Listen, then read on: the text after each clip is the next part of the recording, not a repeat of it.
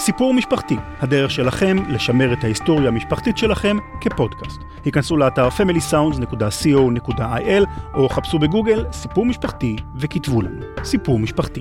עושים את ההיסטוריה שלכם.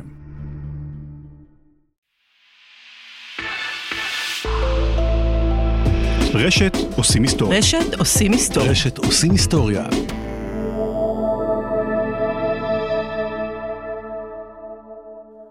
איך נכון לתזמן פרויקט פיתוח? האם כדאי להוסיף כוח אדם לפרויקט שנמצא באיחור? למה חשוב כל כך לבנות פרוטוטייפ גם אם הוא ייזרק לפח בסוף? פרדריק פיליפס ברוקס, מחלוצי תחום הנדסת התוכנה וזוכה פרס טיורינג, נפטר לפני כמה שבועות, בגיל 91. הוא תרם תרומה מכרעת לחשיבה על בעיות מסוג זה, בספר קלאסי שכתב בשם The Mythical Man Month ובמאמרים שפרסם. עברו אמנם כמה עשורים מאז שניהל את בניית מערכת ההפעלה OS 360 ב-IBM, אבל הרעיונות העקרוניים שלו על תהליכי פיתוח רלוונטיים היום יותר מתמיד, והם ממשיכים להשפיע. עמית בן דור הגיע הפעם כדי לדבר על אותם נושאים גדולים שהעסיקו את פרד ברוקס, אבל מפרספקטיבה של ימינו, בעולם שיש בו למידת מכונה, אג'ייל ואוטומציה של בדיקות. דיברנו על שלבי הטרום פרודוקטיביות בפרויקט, על עלות התקשורת הבין-אישית בזמן הפיתוח, על קשיים בסינכרון, על תלות טורית במשימות, על מתי כדאי לצבור חוב טכני, על קוף הכאוס של נטפליקס, ועל איך עמית התחזה פעם לצ'טבוט כדי לעשות ולידציה למוצר תוכנה חדש. אני בועז לביא, ואתם מאזינים ומאזינות לעושים תוכנה.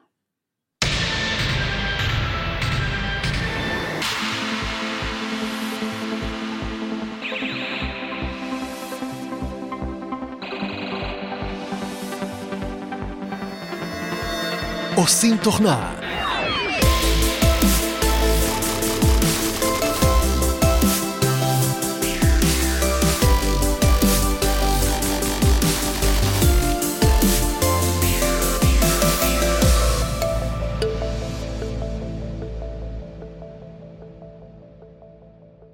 היי עמית, אהלן, טוב שבאת.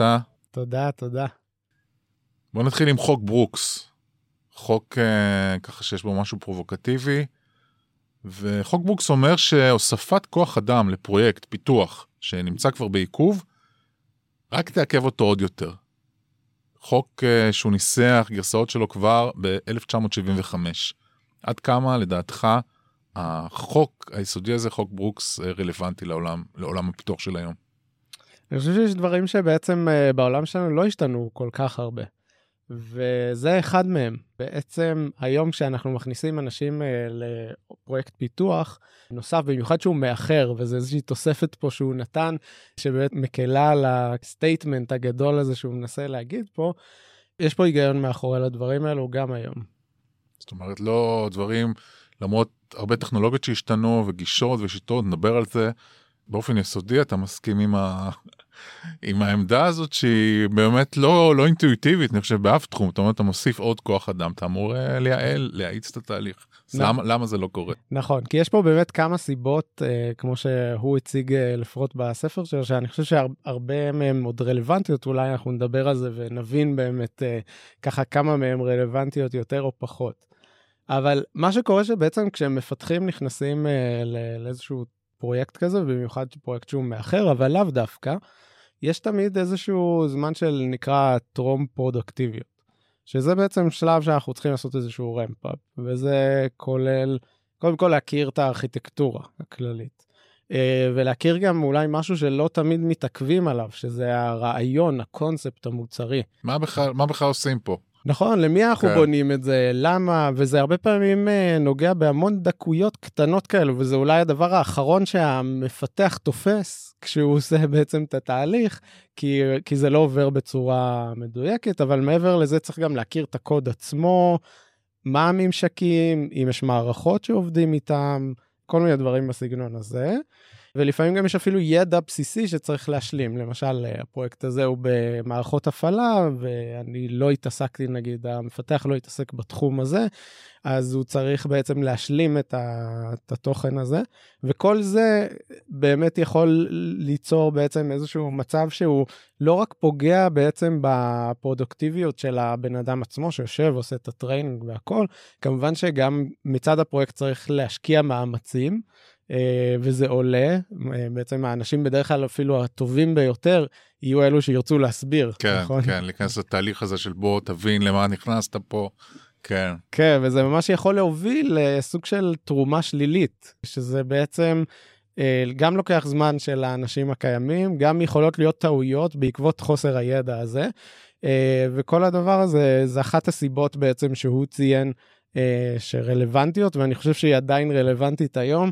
אה, זמן הרמפאפ שלנו לא השתפר בצורה דרמטית. וואלה, אז אתה אומר שאתה, אני מרגיש מדבריך שאתה נתקלת בסיטואציות האלה שבהן יש תוספת, מישהו חדש נכנס, ובעצם התהליך, למרות שמרגישים, אוקיי, עכשיו דברים התחילו לזוז מהר, פתאום רואים איזה האטה נכון, דרמטית. נכון, אני יכול להגיד שכל בן אדם שהגיע למצב כזה שהוא ככה יותר סיניור או מנהל או משהו בסגנון, קיבל מישהו מאוד ג'וניור לצוות שלו, וככה הרגיש את זה ככה בצורה אה, דרמטית, והבין את המשמעות, ויש את הרגע הזה שעוצרים ושואלים, רגע, זה היה שווה את זה? במיוחד אם זה איזשהו מתמחה שהגיע אולי רק לקצת זמן, האם זה היה בכלל שווה את ה... כן, mm-hmm. אז... אה, זה נכון. אז הצד השני של זה אולי שצריך להתרגל לפתרונות מסוג אחר כשפרויקט נמצא באיזשהו מצב בעייתי מבחינת זמנים, ולא לחשוב על זה רק במושג, אוקיי, בוא נכניס פה עוד, נגייס עוד איכשהו, כי זה לא אולי הדרך הנכונה להסתכל.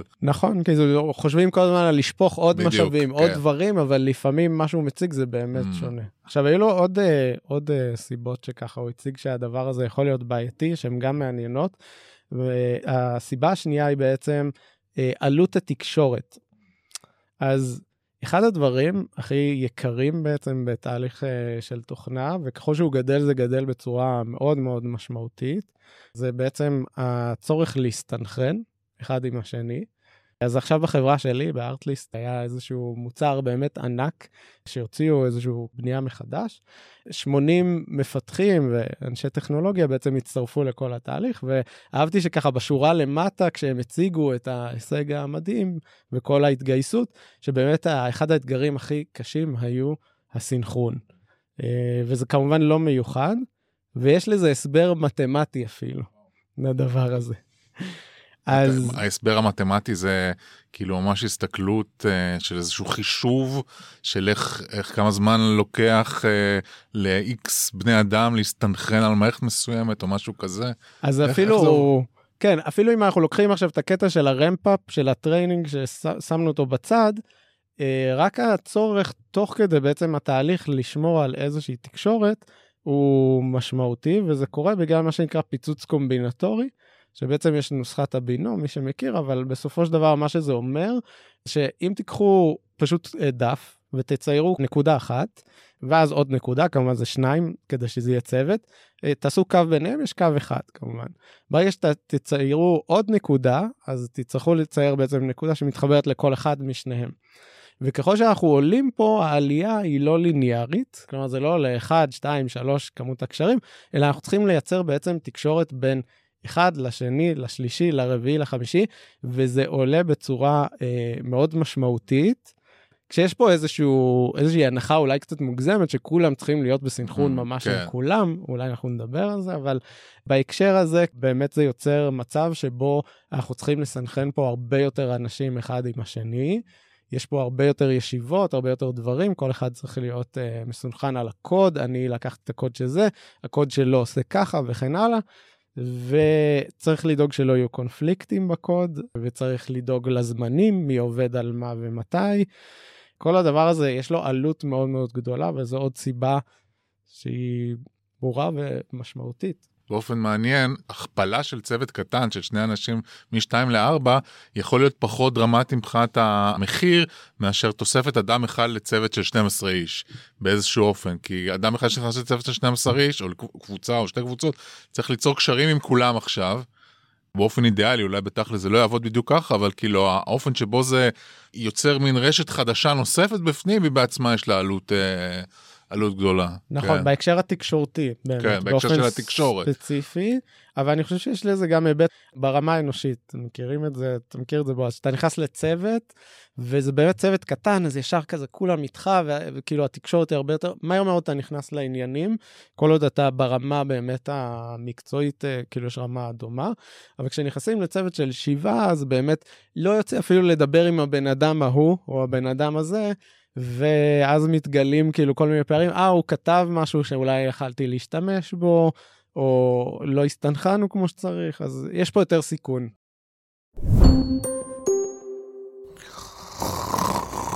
עם מזרן פנדה לא תרצו להפסיק לישון. פנדה במבצע מיוחד למאזיני רשת עושים היסטוריה, עם 15% הנחה נוספים על כלל המבצעים באתר, בקוד קופון עושים 15, OSIM 15. היכנסו לפנדה zzz.co.il ושתהיה לכם שינה טובה.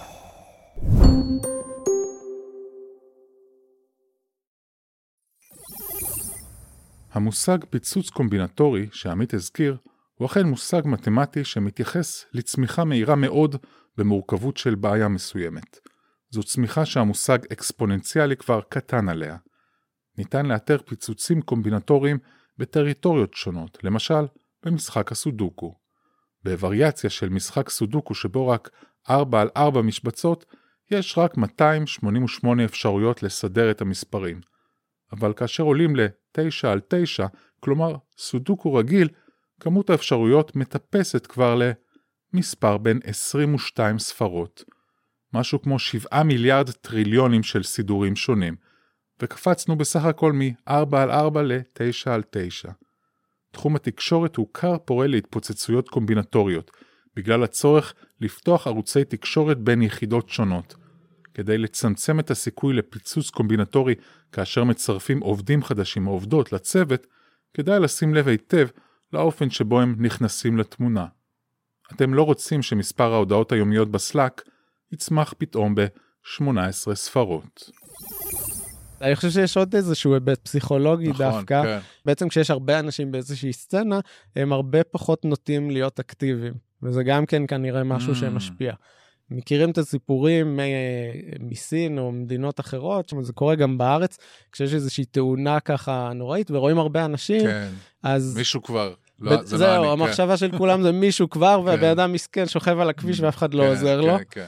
אז אה, כן, אולי בסיטואציה פחות אה, נוראית אה, מזאתי, אבל בצוות פיתוח לפעמים מישהו צריך עזרה או משהו כזה, ולא יהיה את מי שרגע אחד יסתכל ויגיד, אה, רגע, הוא בסדר, הוא מסתדר, היא מסתדרת, כאילו, אה, מי שנכנס אלינו לא, לצוות ממש עכשיו. יפה, אתה כאילו משווה את זה למצב שבו יש מין תחושה כזאת שזה אף פעם לא על מישהו ספציפי, כאילו, ודווקא ככל שצוות יותר גדול, יותר זמן וזה, זה פחות ברור אה, על, על מי נתונה, על מי מוטלת האחריות לטפל עכשיו, אלא אם כן יש, יש באדי או מנטור או משהו כזה, אבל זה גם לוקח משאבים וזמן ואנרגיות, זאת אומרת, לכל דבר יש פה מחיר. נכון, כן. נכון, למרות שזה איזשהו פתרון, אבל כן. הוא הוא גם מגיע עם מחיר, זה נכון. בואו נמשיך עם עוד כמה דברים מעניינים שעולים מה, מהטקסטים, מה, מה, מה שברוקס ככה הנחיל לדורות הבאים. אהה. הייתה לו טענה ב, בעניין התבוננות על אה, עבודת פיתוח במושגים, במושגי זמן לינארי בכלל. כן, זאת אומרת שאנחנו יכולים איכשהו למדוד ולתקצב אה, שעות פיתוח, ימי פיתוח, בני אדם באופן, אה, באופן לינארי, לעשות איזשהו חישוב שדי קל לעשות, מה, אם מוסיפים משהו זה יעזור לנו ב-X, אבל הוא אומר שעקרונית לא ניתן לעשות את זה. בכלל, בגלל האופן שבו בכלל המערכת עובדת, האמת זה די שקול למה שדיברנו עליו קצת עכשיו, אבל הוא רואה את זה מ- גם מזווית אחרת. אה, איך אתה רואה את זה? יש בכלל ערך למושג כמו שעת מתכנת, שעת פיתוח, שנת פיתוח, אתה יודע, מדברים לפעמים בשנות עבודה ודברים כאלה. כן, אז עניין הפרודוקטיביות הוא באמת דבר שהוא מאוד מאוד גמיש, אה, גם לטעמי, וראיתי סיטואציות שבהן אני הייתי מאוד מאוד מאוד יעיל, והיו סיטואציות כאלו שפחות, ובאמת אה, יצא לי לעצור ורגע אחד ולחשוב למה, ו- ו- ואחת הסיבות היא באמת עניין של אה, מבנה הצוות, גודל הצוות, וכמה דברים הם ברורים. עוד דבר מעניין, שזה אולי נקודה שגם מתחברת לחוק, זה סוג המשימות בעצם אה, שקיימות בעולם שבו כל המשימות הן כאלו שהן פשוטות מאוד. הן ניתנות למקבול. למשל, כשרוצים לנקות נגיד איזשהו אה, אולם גדול וכל אחד לוקח ככה איזושהי פינה או משהו כזה, מאוד מאוד קל למקבל את זה. אבל בעולם בעצם של תוכנה, יש שני דברים שהם שונים. אחד, זה העובדה שחלק מהמשימות הן אה, יותר עם תלות שהיא טורית, ולפעמים זה בצורה כזה לא כל כך ברורה. מישהו התחיל את המודול הזה, אז אני גם צריך רגע אחד אולי לחכות, לראות איך הוא יעשה, או כל מיני דברים כאלו. או באופן כללי, שכאילו יש פשוט מורכבות.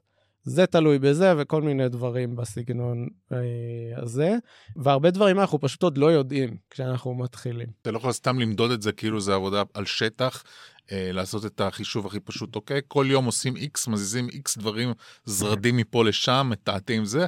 אלא משהו אחר לגמרי, ובעצם המורכבות של אה, פיתוח תוכנה יוצרת את אה, אי הבהירות הזאת לגבי בעצם העלות ואולי גם בכלל לגבי תכנות של זמנים, כן? נכון, כן, אז אם אנחנו מתכננים את זה באמת של ליניארית, אנחנו נסיים חלק, חלק, בדיוק, חלק, כן. קובייה, קובייה, ואז היי, כן. סיימנו. אני, לא, אה, אני בטוח שאף אחד מהמאזינים לא חווה משהו ממש כזה, ואולי הכי קרוב זה באמת הרבה פעמים כשמשהו או מתוכנן בצורה באמת פנומנלית, ו... וזה קרוב אולי למשהו כזה, שזה מישהו שכבר עשה ויודע וזה ברור, אבל כמעט תמיד יש איזה שהם הפתעות. אנחנו כבני אדם, אנחנו מצליחים לחשוב בהיי לבל, הרבה פעמים בצורה די טובה, לתכנן את הדברים הגדולים, ואולי גם לפעמים להסתכל בעיני המשתמש ולמצוא את הדברים הקצת יותר קטנים, אבל יש דברים שהם גם פשוט בלתי צפויים. אמ, לכל אחד קרה שמשהו שהוא ידע שהוא יחסית פשוט, למשל לעבוד עם איזשהו database ולעשות שאילתה, ובסוף מצא את עצמו תקוע יומיים במקום שתי דקות על הדבר הזה, כי תלויות של חבילות של כל מיני דברים, יכול להיות המון המון המון סיבות לדבר הזה, וזאת אחת הסיבות שלדעתי אף פעם בעצם ההתקדמות לא יכולה להיות ליניארית. יש איזה כללי אצבע כלשהם שאתה לפחות מכיר או מרגיש כמה אחוזים להוסיף לפרויקט להארכת זמן, לא יודע, 20, 25 אחוז, איך, איך אתה ניגש, או היית ממליץ לתמחר זמנים כשאנחנו חיים בעולם של כל כך הרבה אי ודאות בתחום הפיתוח? אז אני מסתכל על דברים לפעמים קצת אחרת. במקום להוסיף איזשהו buffer כזה, ואז לנסות לראות איך עושים את זה, אני אוהב מאוד את הגישות היותר אג'ייליות, שבעצם מה שהן אומרות זה שאנחנו כל איקס זמן עוצרים וחושבים וכן הלאה, אבל מצד שני, הגישות האג'ליות לפעמים לא כל כך מסתכלות רחוק מספיק. כן, זה על לופים קצרים כאלה יותר. נכון, אז פה יכול להיות שאנחנו נסתכל על, אם אנחנו נעשה שבועיים, שבועיים, שבועיים, ואז אה, מתישהו זה יקרה, אז זה גם לא כל כך טוב, כי לפעמים אנחנו רוצים להגיע ליעד מסוים, להוציא את המוצר הזה. והדבר החכם ביותר לטעמי לעשות זה כן לשים איזשהו תאריך יעד, אבל כן לעבוד באיזשהו אינקרמנטים יותר קצרים, וכל הזמן לחשוב על איך אני משנה בעצם עכשיו את הדברים, גם בצד המוצרי של התכולות, אבל גם בצד הטכנולוגי, לפעמים לצבור עוד uh, חוב טכני, mm. לעשות דברים בצורה מכוערת יותר, או כזאת שלא תשרת אולי דברים בעתיד שאולי נצטרך, או בטוח אפילו נצטרך. וזה החלטות שאני מעריך שכל מפתח בעצם לומד לקבל אותם, והפרפקציוניזם במקרה הזה לא יכול להתממש. אני חושב שזה נורא קשור לדבר אחר שברוקס התייחס אליו, היה, אני חושב, ממש מהראשונים, לפני שהיו מושגים כמו MVP וככה, על, אה, על prototyping, מחשבות במושגים שלו של פיילוט. משהו שאנחנו, מערכת ראשונית שאנחנו יוצרים, שאולי תיזרק לפח גם, אבל היא חייבת להיבנות, חייבים לעבור דרכה. נכון. אולי קשור גם באמת למה שאתה תיארת עכשיו. לגמרי, אני... היום זו גישה מאוד מאוד רווחת, והאמת שזה די מדהים לראות שככה ברוקס באמת אי שם אה, לפני הרבה שנים חשב על זה, וגם הוא נכנס לזה יחסית אה, באמת לעומק. אני מעריך שיכול להיות שהגישה של MVP צמחה גם משם, והתפיסה היא באמת אה, ליצור איזשהו משהו יחסית רזה. שזה קודם כל לזהות מה הצרכים הבסיסיים, באמת הבסיסיים, לייצר איזשהו, הוא קרא לזה פרוטוטייפ, דומה ל-MVP, ואז בעצם לעשות איזשהו תהליך של לשלוח את זה למשתמשים, אחרי זה להבין מה קרה כאן ולשפר את הפרוטוטייפ הזה ככל שהוא מתקדם. לא תמיד, דרך אגב, זה אפשרי, אבל זה ללא ספק אחד היתרונות הגדולים ביותר של עולם התוכנה mm-hmm. היום. שהוא כזה שבאמת אנחנו יכולים לשנות דברים יחסית בקלות, במיוחד שהכל בענן או בכל מיני, בצורה שהיא נשלטת, זה נתן המון המון ערך. עכשיו, אני יכול להוסיף פה איזשהו משהו מעניין שהוא הוסיף, והוא אה, חילק בעצם את הפרוטוטייפים בעצם לשתיים, שאחד מהם זה בעצם horizontal prototype, רוחבי, כשפה הוא אומר, בוא נבנה את המוצר אה, לרוחב, באמת כמו שהוא צריך להיות, אבל בצורה יחסית רדודה. כלומר, הרבה מהלוגיקות, הרבה מהדברים מאחורי לקלעים לא קיימים. והמטרה שכשעושים משהו כזה, המטרה היא בדרך כלל לבדוק יותר ממשק משתמש, או איזושהי חוויית משתמש או משהו כזה. והגישה השנייה שהיא מעניינת, ואני ככה ניסיתי ככה תוך כדי היום לחשוב גם על דוגמאות, נקראת uh, vertical uh, prototype, כשפה אנחנו לוקחים בעצם רק חלק מאוד מסוים ב sub system הזה, ומוציאים אותו, והמטרה היא ללמוד כן לעומק, אבל רק על חלק מאוד ספציפי. אז uh, דוגמה שאני ניסיתי ככה לחשוב עליה זה לפעמים להוציא נגיד מערכת כלשהי אונליין, נגיד איזושהי מערכת AI או משהו בסגנון, בלי תשלומים, בלי user uh, נרשם, כל הדברים האלו שמסביב, ובאמת רק לקבל את הפידבק באמת על ה-AI עצמו, שהוא מורכב בפני עצמו, והמטרה שהפידבק הזה יהיה עמוק, זאת הסיבה שאנחנו לוקחים את זה, ולא את הרוחבי, שהוא בדרך כלל קצת יותר נפוץ, אני חושב. כן, הרוחבי אנחנו מקבלים מעין מוצר שלם, אבל שהוא עובד, כאילו, הרבה מאוד אלמנטים בו אולי לא, לא בדיוק יעבדו, אבל יהיה תחושה של מה, מה כל הדבר הזה, אם אני מבין אותך נכון. וה, והוורטיקל, כאילו לוקח איזושהי יכולת ספציפית ומאפשר חוויה מלאה, או כמה שניתן יותר עמוקה בה. מעניין. נכון, שתי, נכון. כן. שזה באמת לפי מה שאנחנו רוצים לבחון, אז לפי זה אנחנו צריכים ללכת. אה, אתה יכול לחשוב על דוגמאות ששני, שתי הצורות עבודה הזאת שאתה פוגש בשוק, או בתור מפתח, בתור מנהל. כן, אז ההוריזונטל זה, אני חושב ששומעים את זה הרבה פעמים אה, ככה, דברים שלנו, אבל של, אה, יותר של יזמים, שמספרים שבעצם הייתה מערכת שלמה שנראית מדהימה, אני בטוח שיש מאזינים שיכולים להזדהות עם הדבר הזה, כשבעצם הכל היה תלוי במה כן. שנקרא בסלוטייפים, אז גם לי יצא כמובן לעשות דברים כאלו בתור יזם בעבר, ולהוציא איזשהו פרוטוטייפ שנראה באמת מאוד יפה, אבל מישהו עושה עבודה ידנית מאחורה. וכמה שזה יכול להיות חורה לצד הטכנולוגי שבנו, יש בזה המון היגיון, כי דברים משתנים, ובמיוחד ככל ש... אני אוהב למדל את הדבר בצורה כזאת, איפה שיש סיכון מאוד גבוה, כלומר, יכול להיות שה user יתבלבל, אנחנו לא יודעים, אין משהו כזה, או ה user יתבלבל פה, אנחנו לא יודעים איך הוא ישתמש בזה, זו גישה מאוד מאוד טובה. בצד ה vertical-י אז באמת הדוגמה שאולי איזושהי מערכת AI כזאת, כן. או למשל Mid uh, journey, uh, זו דוגמה אני חושב טובה, שזה בעצם איזשהו ג'נרטור של text to image והפלטפורמה הראשונה שהם בחרו היא לא פחות ולא יותר Discord, שזה מערכת צ'אט מאוד פשוטה סך הכל, וזו דוגמה ככה לקבל את הפידבק על ה... באמת משהו שהוא ורטיקלי, הוא עמוק, הוא מאוד עמוק. כן, כמובן. עושים את הדבר עד הסוף, המוצר כאילו מתפקד, אבל כאילו אין שום מחשבה, אין אתר, אין שום דבר, הכל עובד דרך ה... דרך דיסקורד. נכון, כי הם רצו לדעת אם, אם זה אולי משהו כן, שבכלל אנשים ישתמשו בו. בכלל, כן. זה מעניין, כן. כן, זה, זה די מדהים, דוגמה מרתקת, כי כאילו באמת, לא בודקים שום דבר שהיינו מתארים, שאפשר לדמיין שאוקיי, בוא, איך נראה הדבר, איך נכנסים, איך מפעילים, מה הכפתורים, לא, אתה כותב את מה שאתה רוצה, את האינפוט, את, ה, את הפרומפטס. בדיסקורד, ואולי זה באמת אה, אפשרי לעשות דבר כזה, או עושה היגיון היום, כי באמת מה שמשמעותי זה, זה הרגע הזה שבו אתה, הקסם הזה שקורה כשאתה מכניס טקסט ומקבל image, זה בעצם ה vertical שבודקים. כאילו. נכון, כאילו. נכון, ויש פה המון, אולי לפעמים זה יוצא טוב ככה כן. וככה, לא ידעו כלום, כן, כשזה התחיל. כן, אז כאילו מה הטעם בכלל לבנות interface או דבר כזה, אם אפשר לזרוק את זה. ב Discord לצורך העניין. נכון, מישהו אחר בנה את ה-UI, כן, מישהו אחר עשה את כל ה... והיום זה אפשרי, היום יש כל כך הרבה כלים ופלטפורמות שיכולות לעבוד נהדר בשבילך, אז למה להמציא את הגלגל רק בשביל להתחיל לבחון איך בני אדם יגיבו ויעבדו עם איזשהו באמת משהו חדשני. למרות שיש דמיון רב בין שני המושגים, בין ה prototype של פרד ברוקס וה-MVP של ימינו, יש גם הבדלים חשובים. ה prototype מטרתו פנימית יותר, להעמיד גרסה ראשונית של התוכנה כדי להגדיר את הבעיה ולהבין אם הדרך שבה חשבנו לפתור אותה אכן עובדת. ה prototype נועד לאשר לפני יציאה לדרך שיש היגיון בתוכנית. והיגיון לאו דווקא אומר שכל הכפתורים נמצאים במקום, או שכל התהליכים מוגדרים עד הסוף. לכן גם ברוקס חוזר ואומר שה prototype עתיד כנראה להיזרק לפח, כאשר ייבנה המוצר השלם. MVP לעומתו כבר כן מכוון החוצה. כלומר, המידע שיילמד אמור להיות מידע מ user-י ממש, ולכן גם השימושיות שבו חשובה יותר, העלות עבור מימושו גבוהה יותר, וגם הזמן שנדרש כדי לבנות אותו. אבל בסופו של דבר, שניהם דוגמאות לכך שיש ערך גדול לגרסה פשוטה של מה שאתם מתכננים לבנות, מה שלא יהיה היעד הסופי.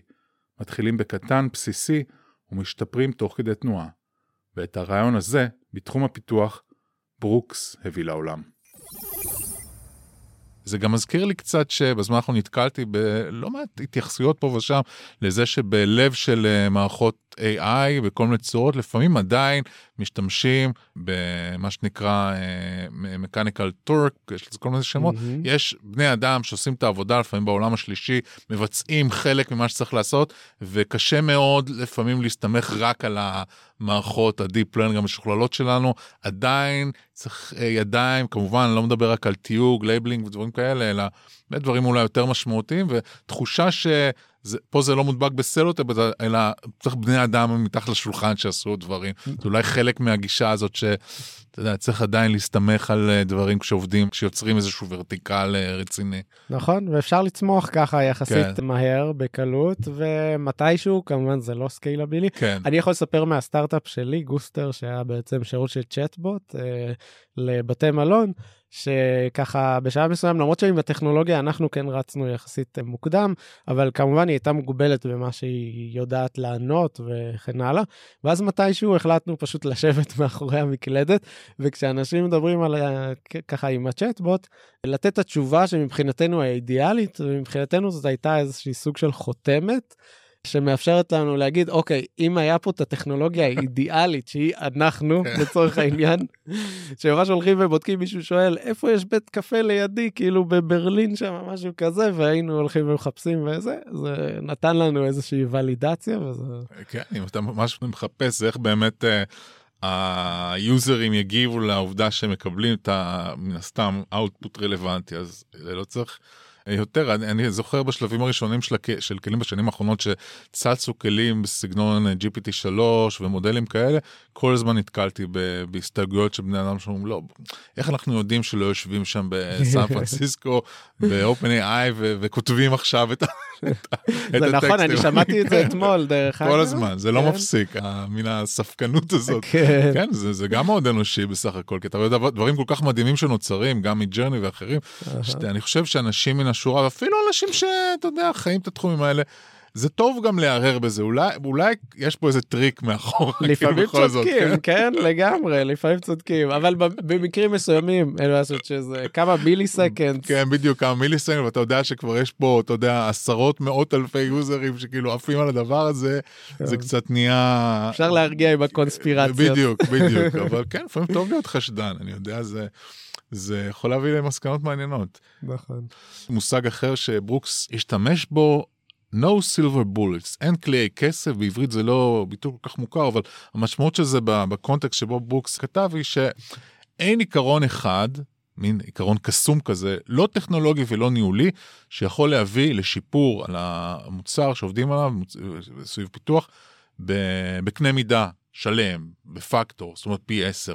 אין דבר כזה, אין, אין קסם, אין טכנולוגיה, אין כלי, אין uh, שום מערכת תקשורת, שום צ'אט, שום דבר. שבאמת ישפר דרמטית. אה, מה אתה חושב על זה, והאם אפשר בכלל להתנבא לגבי מה אולי כן יביא עתיד טכנולוגית, כל מיני מערכות כמו כאלה ואחרות שכן יעשו את הקפיצה הזאת של פי 10 שברוקס לא מאמין שהיא קיימת. כן, אז יצא לי להרהר ככה באמת בנקודה הזאת ובהצהרה באמת אה, אמיצה שלו מהנושא הזה, שמצד אחד אני מאוד מתחבר אליה, אני חושב שאנחנו גם כבני אדם, יש לנו נטייה הרבה פעמים להגיד, אה, הדבר הזה, ברגע שנעשה אותו, זה יהיה מדהים. אני עוד זוכר בימים, נגיד, ככה בעולם הג'אווה סקריפט, שאנשים עברו מ-jQuery, או הספריות שהיו קיימות אז, ואמרו, כשנאמץ אנגולר, הכל ילך לנו הרבה הרבה יותר מהר, וזה יהיה מדהים, וכן הלאה. וכנ"ל בהמשך, אה, כמובן שיש יתרונות כשעולים טכנולוגית, אני חושב שיש פה איזשהו טיפוס. משהו אינקרמנטלי, אבל אולי קצת יותר טוב, כן? נכון, אבל באמת בפקטור, אני לא יודע, הוא קבע את זה באמת בפקטור של פי 10. אתה יודע למה אני חושב שהוא קבע פקטור כזה? כי כן, באזור אחר הוא מדבר, הוא היה אולי מהראשונים שזיהה, שזיהו שיש הבדלים מאוד גדולים בין מפתחים, בין יעילות של מפתחים, וכן שם הוא כן התייחס לעובדה שיש, שמתכנתים טובים, הם יעילים פי 5, פי 10. 10x, כאילו שזה כן משהו שהוא זיהה אצל, נניח, כשאתה אה, עושה הפשרות בין אינדיבידואלים, זאת אומרת, אז כן יש איזה קונספט שיש דברים שיכולים להשתפר פי 10 בעולם המוזר הזה של פיתוח, אבל שאין silver bullets per מערכת שלמה שנמצאת בפיתוח. כן. שיש איזשהו חסם שם. זה מעניין, אני חושב שאני לא הייתי נותן statement כזה, כי אני חושב שבאיזשהו מקום יש דברים שנותנים שינוי שהוא באמת אה, מאוד משמעותי, לפעמים mm-hmm. צריך לקפוץ כמה דורות mm-hmm. קדימה. אז אם אנחנו חוקרים ארגון שנגיד אי שם בשנות ה-60, כשהוא עבד על המערכות, והיינו לוקחים אותו למה שקיים היום, אני משוכנע שהיה פה סיכוי שהם היו עושים פה mm. 10x ככה מבחינת המהירות, היעילות של דברים שהם עושים. בסופו של דבר אנחנו בונים לעצמנו כל מיני אבסטרקציות וכל מיני דברים שגורמים לנו לעשות דברים הרבה יותר מהר, אבל הנקודה דווקא המהות פה, אני מסכים איתה ששינויים באמת שקשורים בטכנולוגיה וגם ברמה האנושית, אה, הרבה פעמים חושבים, אוקיי, אנחנו נביא את הבן אדם הזה או משהו כזה, וזה הכל יסתדר, יהיה כן. מדהים. זה גם כן, אה, לפעמים הציפיות שלנו הן גבוהות יותר למה שאנחנו קצת פחות מכירים. קל לנו יותר לתלות שם ציפיות גבוהות. וגם לפעמים אני מרגיש שיש אה, המון המון מאמץ, אנרגיה. אה, מושקעים במין מחשבה כזאת שאוקיי, יש, יצא עכשיו מערכת חדשה, כלי חדש של ניהול, של תקשורת, ווטאבר, ואנחנו, אה, כדאי, אנחנו נלמד אותו וכולנו נעבוד יחד איתו, ואז לפעמים יש התלבטות שלפעמים תוקעת תהליכים, ובמקומות מסוימים, סביב איזה כלי נניח לבחור, אם היה לנו קדימה, כן? איזה פלטפורמה, איזה כלי, מתוך, מתוך מין תחושה שההבדל בין בחירה כזאת או אחרת כן יכולה להיות דרמטית בקנה מידה. לא יודע, פקטור, אבל כאילו משהו מאוד משמעותי, והתחושה שלפעמים נתקעים על החלטות כאלה, ומה שהוא אומר, אולי, כאילו, זה, זה, זה, זה, לא, זה לא הדבר, זאת אומרת, אין דבר אחד, בוא נגיד ככה, כשאנחנו כן היום משווים אולי לא ביחס לתקופה שלו בשנות ה-60, 70, 80, אבל כשהיום משווים בין, יש לנו כמה כלים, כמה אופציות לעבוד עם uh, סביב תקשורת וסינכרוניזציה, סביר להניח שאין פער של פי 10 בין כלי כזה או אחר, ולמרות זאת אנחנו יכולים למצוא את עצמנו מתווכחים, אתה יודע, נמצאים, נכנסים, נכנסים לאיזה תהליך בחינה מאוד מסובך כדי לקבל איזה החלטה סביב משהו. ויכול להיות שזה באמת אף פעם אולי לא שווה את זה, פשוט צריך לקבל החלטה ולנוע עם משהו. נכון, נכון. גם מהניסיון שלי, הרבה פעמים האימוץ של כל מיני דברים כאלו חדשים, אנחנו לא רואים באמת את הגיין אה, באופן אה, מיידי.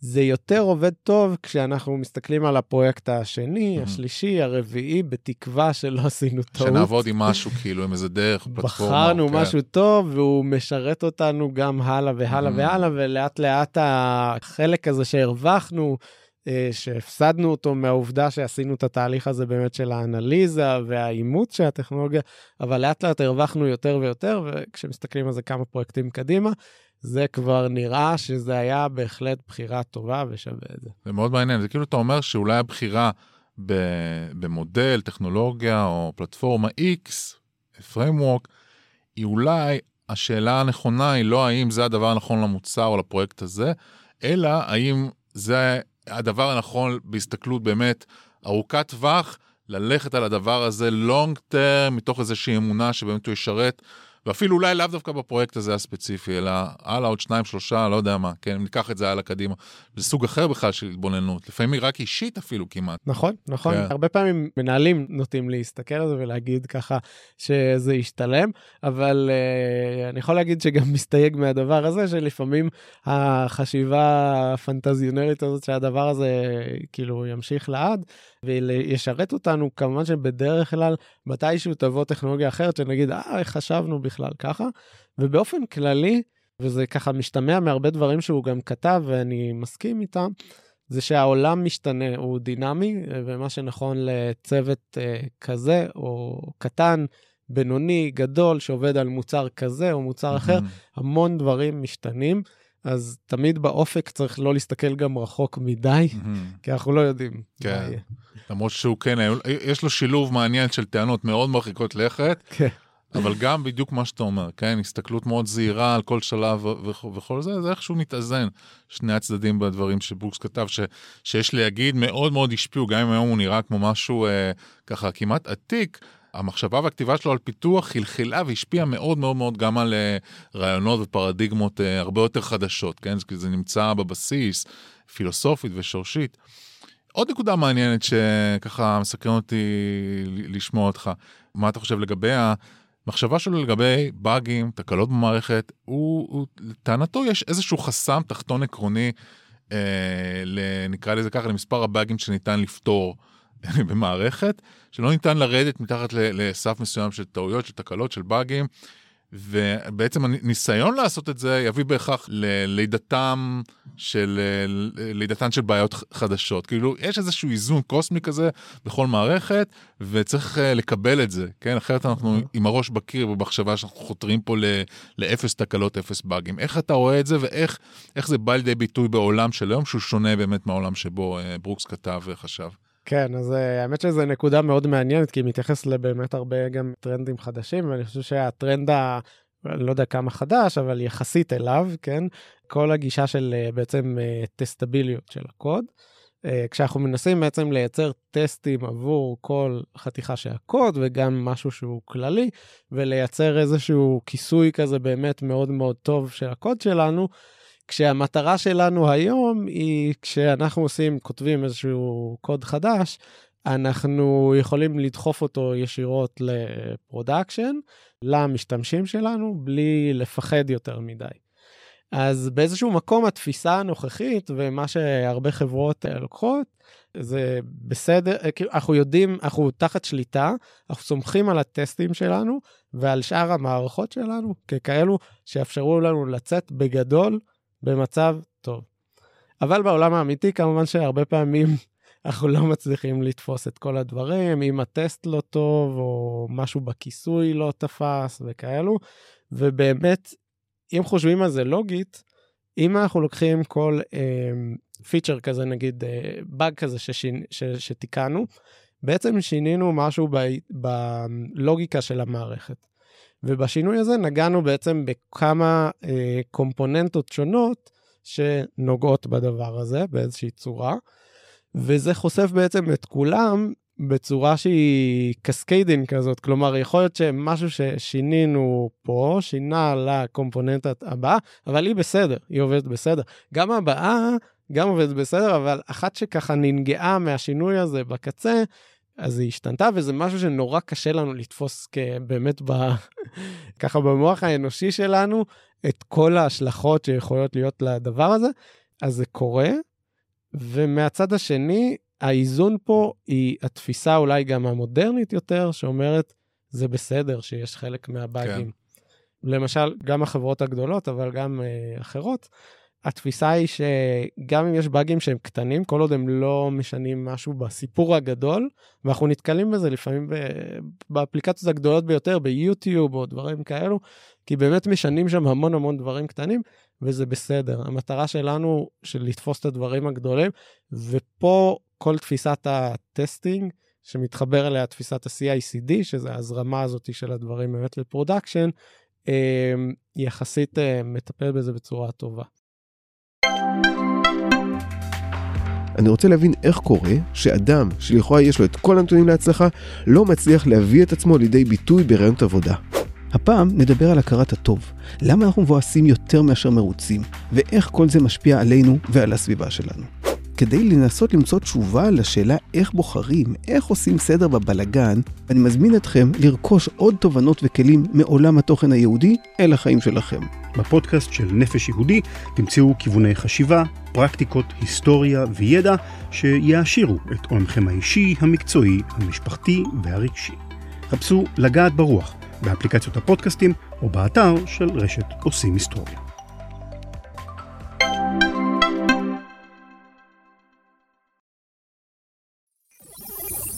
CICD הם ראשי התיבות של Continuous Integration, Continuous Delivery, כלומר אינטגרציה רציפה, delivery רציף. מדובר על אוסף של שיטות עבודה, אוטומציות וכלים שמטרתם לאפשר פיתוח זריז, נטול פקקים וצמצום הזמן שעובר בין הוספת רכיב חדש לבין הרגע שבו הלקוחה או הלקוח ישתמשו בו בפועל. כדי לעשות זאת, בלי שהמערכת תיפול כל שלושה ימים, נדרשת כמובן הטמעה של תהליך testing יעיל ובלתי פוסק, אבל מן הסתם גם הוא לא יכול לצוד כל באג. אחד הביטויים שמאפיינים את צנרת ה-CICD הוא לבנות מהר, לבדוק מהר, להיכשל מהר. כלומר, גם אם משהו לא עובד כמו שצריך, יש ללכוד אותו מוקדם ככל הניתן, כך שהפידבק יגיע אל המפתחים במהירות המקסימלית. פרד ברוקס היה בוודאי מתרשם מאוד. אני חושב שאנחנו באמת פועלים בעולם, במובן הזה באמת מאוד שונה מהעולם שלו, של מוצרים שנמצאים באיזושהי זרימה כזאת מתמדת, ולא עולם שבו, אוקיי, סוגרים את הדבר הזה, את התוכנה, ויוצאת לעולם, ובזה סוג של נגמר הסיפור, כאילו, באיזשהו מובן, כן? אז אולי בעולם שלו הרבה יותר משמעותי היה להתייחס לזה, שכן, אתה תוציא את התוכנה שלך על מה שזה לא יהיה, אז כאילו, אתה יודע, זה כל מיני מכשירי, מחשבי מיין פריים כאלה, אפילו לא, לא, לא יודע, אנחנו לפ... בוודאי לפני האינטרנט ולפני אפילו אה, מכשירי סידי-רום וכאלה. אה, כן, אז העולם של המידע זז באופן אחר לגמרי, ומין דרך שלו אולי להרגיע את זה, שלא לא נוציא לעולם מוצר בלי באגים. היום אנחנו חיים במין עולם אחר שבו אנחנו חיים עם הבאגים, שוחים איתם, פותרים אחד, נוצר אחר, משהו שהוא הרבה יותר אורגני, וגם אני חושב, שאנחנו היום רגילים אולי הרבה יותר למורכבות של העולם שבו אנחנו חיים, בהרבה תחומים, תחומים אה, כלכליים, גלובליזציה, הרבה מאוד דברים, אנחנו קצת יותר מכירים עד את האפקט הזה, אפקט הדומינו הזה, של אוקיי, כן, יכול להיות שמשהו קטן, אפקט הפרפר הזה, כן, משהו קטן יזוז פה, ו... אולי זה יביא לקריסה של הכל, יש כל מיני מימס מצחיקים של פיתוח שמראים איך אתה, אתה יודע, פה תיקנתי את הקטנה הזה, וכל הבית קורס או משהו כן. כזה, כן, בתור תוצאה של התיקון המוצלח שלי של הבאג. איכשהו אנחנו היום, אולי אז שהוא תיאר את זה, זה היה מאוד מאוד ככה הסתכלות חדשנית, אבל היום אנחנו כבר... אה, מכירים את המורכבות ואת המחירים המאוד גדולים שלה, תכלס, אתה יודע מה, יכול להיות ש... לפעמים אני חושב על מערכות, באמת אמרת יוטיוב בכלל, ג'ימל, גוגל, שמחזיקות כל כך הרבה מה, מהעולם, מהתקשורת בעולם, באמת. אנחנו מאוד מאוד אופטימיים לגבי המערכות האלה, אבל אין לנו באמת, אתה יודע, את הכלים מבחוץ לבחון עד כמה הם רובסט במצבי קצה. לפעמים ג'ימל נופל ל whatever, כמה דקות, או כמה זה, השעה לפני כמה זמן. כן, כן. והתחושה כן, היא של אה, אנחנו באפוקליפס. כן, לגמרי. במיוחד אם כן. זה AWS ואתה רואה ככה את כל אה, חצי מהאינטרנט ככה למטה. כן, אז אה, זה- זה מפחיד, זה נכון, זה קורה מדי פעם. אבל מצד שני התקדמנו באמת המון בכל הנושא הזה של reliability, כאילו באמת המון אתרים, נכון, המון נכון, נכון. מערכות קוד יודעות uh, לשמור על עצמם בצורה טובה. כאילו אולי הדוגמה הקיצונית והמוכרת uh, בנטפליקס, שיש שם את המנקי, Monkey, כאוס כן. מנקי, בדיוק. אז הכאוס מנקי שם זה בעצם איזה חתיכת קוד שמנסה כל הזמן שוברת דברים, והם רוצים לראות שהכל עדיין, התמונה הגדולה ממשיכה לרוץ. וזה שומר על הרילייביליות ויש עוד באמת המון גישות אחרות, אני יודע שגם הרבה חברות בארץ מאוד מאוד מאוד טובות בזה, ברגע ש, שזה עולה כסף, זה שווה את ההשקעה אה, לייצר מערכת מאוד מאוד רובסטית, כשהדברים הגדולים, בסדר, הבאגים הקטנים כן. יכולים עדיין להישאר שם, וזה בסדר. כן, תמיד יהיו איזה שהם באגים קטנים שיזמזמו, כל עוד בסופו של דבר הדבר כן יציב ומאפשר תקשורת ונגיש, אז אנחנו במצב טוב, ועדיין צריך לסמוך על איזה משהו. אני חושב שיש צעד, כאילו, זה, זה נראה קצת פרדוקסלי, ואנחנו עוסקים פה במשהו שהוא כל כך ארצי, מדעי, טכנולוגי, ועדיין אני הרבה פעמים חושב על זה שיש צעד מאוד גדול של מין אמונה באיזה משהו גדול ונסתר שהדברים יעבדו ויחזיקו, שאתה יודע, אין אדם אחד הרי שיודע סביב מערכות מאוד גדולות, אם זה נטפליקס או, או AWS, גוגל ג'ימל, אין אדם אחד הרי שיודע מה כל הסיסטם הזה עושה, זה מבוסס על כל כך הרבה אה, באמת סינכרון ושיתופי פעולה ואיזשהו אמון שאוקיי, איכשהו זה עובד, אבל יש פה איזה מין קסם כזה שאנחנו צריכים להשעות את האי האמונה או ווטאבר איך תקרא לזה, כאילו, ולקיים איזושהי אופטימיות לגבי הפלא שזה בכלל אה, יציב. נכון, נכון, וכולנו בני אדם, גם כן. אה, אם אתם מדמיינים את האנשים שיושבים עם הצוותים האלו שהם אולי השאיפה שלכם להגיע הטובים ביותר, גם הם כמובן טועים, ולכולנו יש את המגבלות האלו, ו... וזה בסדר, לפעמים אה, משהו נופל לשעה וזה יכול לכאוב או יותר. יפה. אבל התקדמנו הרבה מאז, אני חושב, בהחלט. אז זה אקורד יפה, אני חושב לסיים איתו, התחושה הזאת שגם ההבחנות האלה של ברוקס, בזמנו רלוונטיות, גם, גם היום בהקשר הזה של המגבלות של הידע, של בסופו של דבר בני אדם יוצרים את המערכות האלה, ההסתמכות על AI וכל מיני צורות הולכת וגדלה, אתה יודע את זה מעולה, ועדיין אלה מערכות מאוד מורכבות עם בני אדם בתוך הלופ ודברים הם אף פעם באמת לא ידועים עד הסוף. יש הרבה הרבה מאוד אי ודאות אה, בכל סוג של מערכת כזאת, ואיכשהו צריך, אה, אני חושב, להתרגל לחיים לצד האי ודאות הזאת. כן? כן, ללא ספק, כל העולם הזה הוא באי ודאות כלשהי, אז כן, זה נכון. אז היה מאוד מעניין לדבר איתך על אה, ברוקס, לשמוע את התובנות שלך לגבי המחשבות האלה, מ... לא ראשית בדיוק, אבל אה, לפני אי אלו עשורים בתחום הפיתוח, ומקווה שמאזינות ומאזינים ייקחו חלק מהמחשבות האלה קדימה, לחיים ולעבודה. גם אני נהניתי מאוד, תודה רבה בועז. פרד ברוקס כבר לא איתנו מזה כמה שבועות, ואני מקווה שלא גרמנו לו להתהפך בקברו בעקבות הדברים שאמרנו על ההגות שלו כאן. ועדיין, כדאי לזכור שלצד התרומות העצומות של ברוקס לתחום הפיתוח, כששאלו אותו בריאיון לוויירד ב-2010 מהי התרומה הטכנולוגית הגדולה ביותר שנתן לעולם לדעתו, הוא ענה שמבחינתו מדובר בשינוי שעשה כשיצאה סדרת מחשבי ה-IBM 360, ששלטו ברמה מאמצע שנות ה-60 ועד סוף שנות ה-70. והשינוי הוא תוספת של שני ביטים לבית, כלומר כל בית הפך להיות בין שמונה ביטים, במקום שישה. מה שאפשר לדברי ברוקס, בפעם הראשונה, שימוש באותיות lower case. תוספת צנועה ונפלאה למחשבים שלנו. תודה לך, פרד ברוקס, תהא מנוחתך עדן.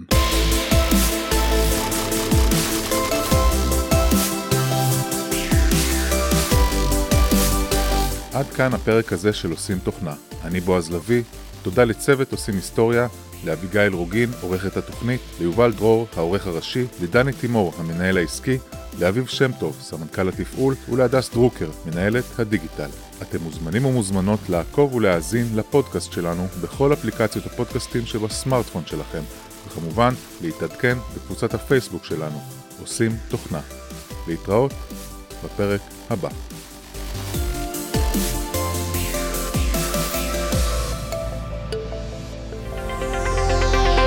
לפודקאסטים נוספים של רשת עושים היסטוריה ולהצטרפות לרשימת התפוצה של התוכנית בדואר האלקטרוני, בקרו ב-עושימהיסטוריה.com או הורידו את אפליקציית עושים היסטוריה בחנות האפליקציות של אנדרואיד.